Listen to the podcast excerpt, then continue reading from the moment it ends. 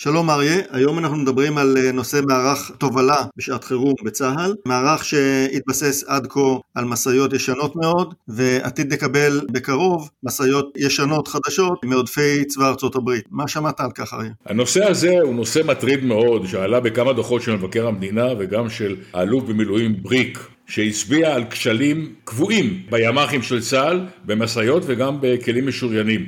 ההחלטה לרכוש משאיות, אלף משאיות משומשות של צבא הברית ולהביא אותם להחליף משאיות הריו הישנות שהוזנחו במחסני החירום היא עבירה על עבירה, חטא על פשע. לא טיפלו במחסני החירום למרות כל האזהרות האלה, משאיות רקובות, לא מתניעות, ועכשיו הולכים לזרוק אותם ולקנות משאיות ששימשו את צבא הברית במשך עשרות שנים. מי המטומטם שהחליט החלטה כזאת ולמה אי אפשר פעם אחת ולתמיד לדאוג שמחסני החירום של צה"ל, שהמשאיות שם וכלי הרכב האחרים יהיו כמו אלפה רומאו בגרנד פרי. זה רמת התחזוקה שצריכה להיות של הכלים האלה. צה"ל היום נלחם במה שנקרא המלחמה שבין המלחמות, מב"ם, אבל יכולה להתחולל עלינו, חס וחלילה, גם מלחמה כוללת, שבה יצטרכו את המשאיות האלה.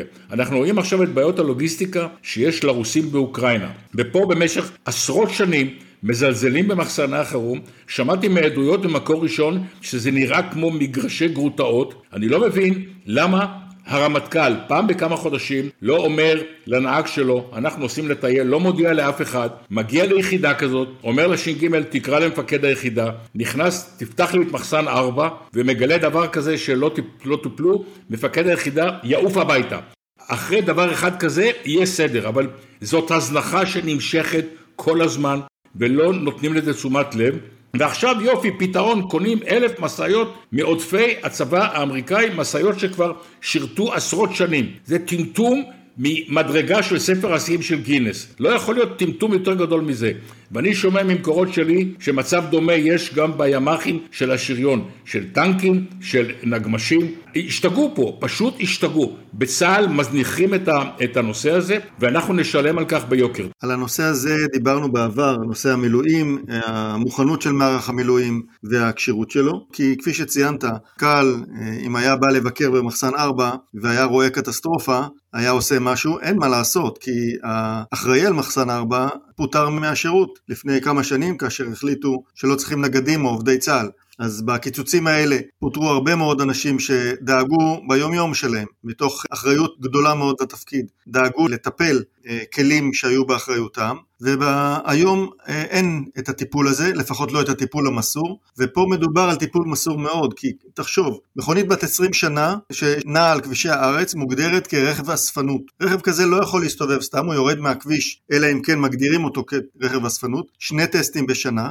ומי שמטפל בו חייב לטפל בו עם הרבה הרבה תשומת לב ואהבה, כדי שהרכב ייסע, אבל זה לא רכב שאפשר לסמוך עליו אה, להסיע את הילדים לבית ספר או לחוגים. המשאיות האלה אמורות לתמוך את מערך התובלה והאספקה לכוחות מילואים וסדיר בשעת חירום. כל המערך הלוחם מתבסס על הכלים האלה. אלפי משאיות ישנות, כפי שאמרת, רקובות, והן באמת נרכבות, מחלידות ומרכיבות. ריואים ישנים, משאיות 6 על 6, תקופת מלחמת העולם השנייה ומלחמת קוריאה. עודפי הצבא, שקיבלנו אותם כבר לפני 30 ו-40 שנה, עודפי צבא אמריקאי, וקיבלנו אותם במתנה.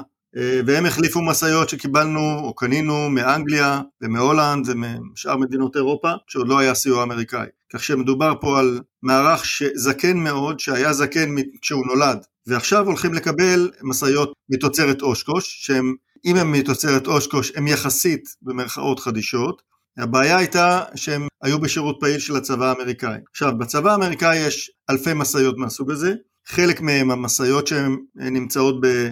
שירות החטיבות הלוחמות, ויש הרבה כאלה בצבא האמריקאי, הן משאיות שנטחנות לחלוטין, לא נראה לי שאפשר להשתמש בהן. משאיות אחרות זה משאיות שבעצם רכשו אותן והעבירו אותם למחסני החירום אה, בארצות הברית או במחסנים שנמצאים באירופה או באוקיינוס ההודי. המשאיות האלה מבחינת קילומטראז' יש להם קילומטראז' נמוך, מטפלים בהם לא רע, ואם זה המקור שלהם, אפשר לקוות שהם יהיו במצב לא רע. כך שאני מקווה שמי שהחליט ההחלטה הזאת יודע מה הוא הולך לקבל, והוא בוחר את המקור הנכון של הכלים. כן, אני חושב שזה נושא שראוי לטיפול ברמה הכי גבוהה במטה הכללי של צה"ל, עושה לי רושם שלא מתייחסים לנושא הזה, מחליפים ישן בישן פחות, וכשיצטרכו אותו, עלול לקרות לנו מה שקורה עכשיו לרוסים אה, באוקראינה, אנחנו רואים את הכשל הלוגיסטי העצום, פה לא לומדים משום טעויות של אחרים, וזה חוזר על עצמו. אנחנו נמשיך לעקוב אחרי הנושא הזה, ונעדכן אתכם באחד מהפודקאסטים הבאים שלנו. תודה, תמיר.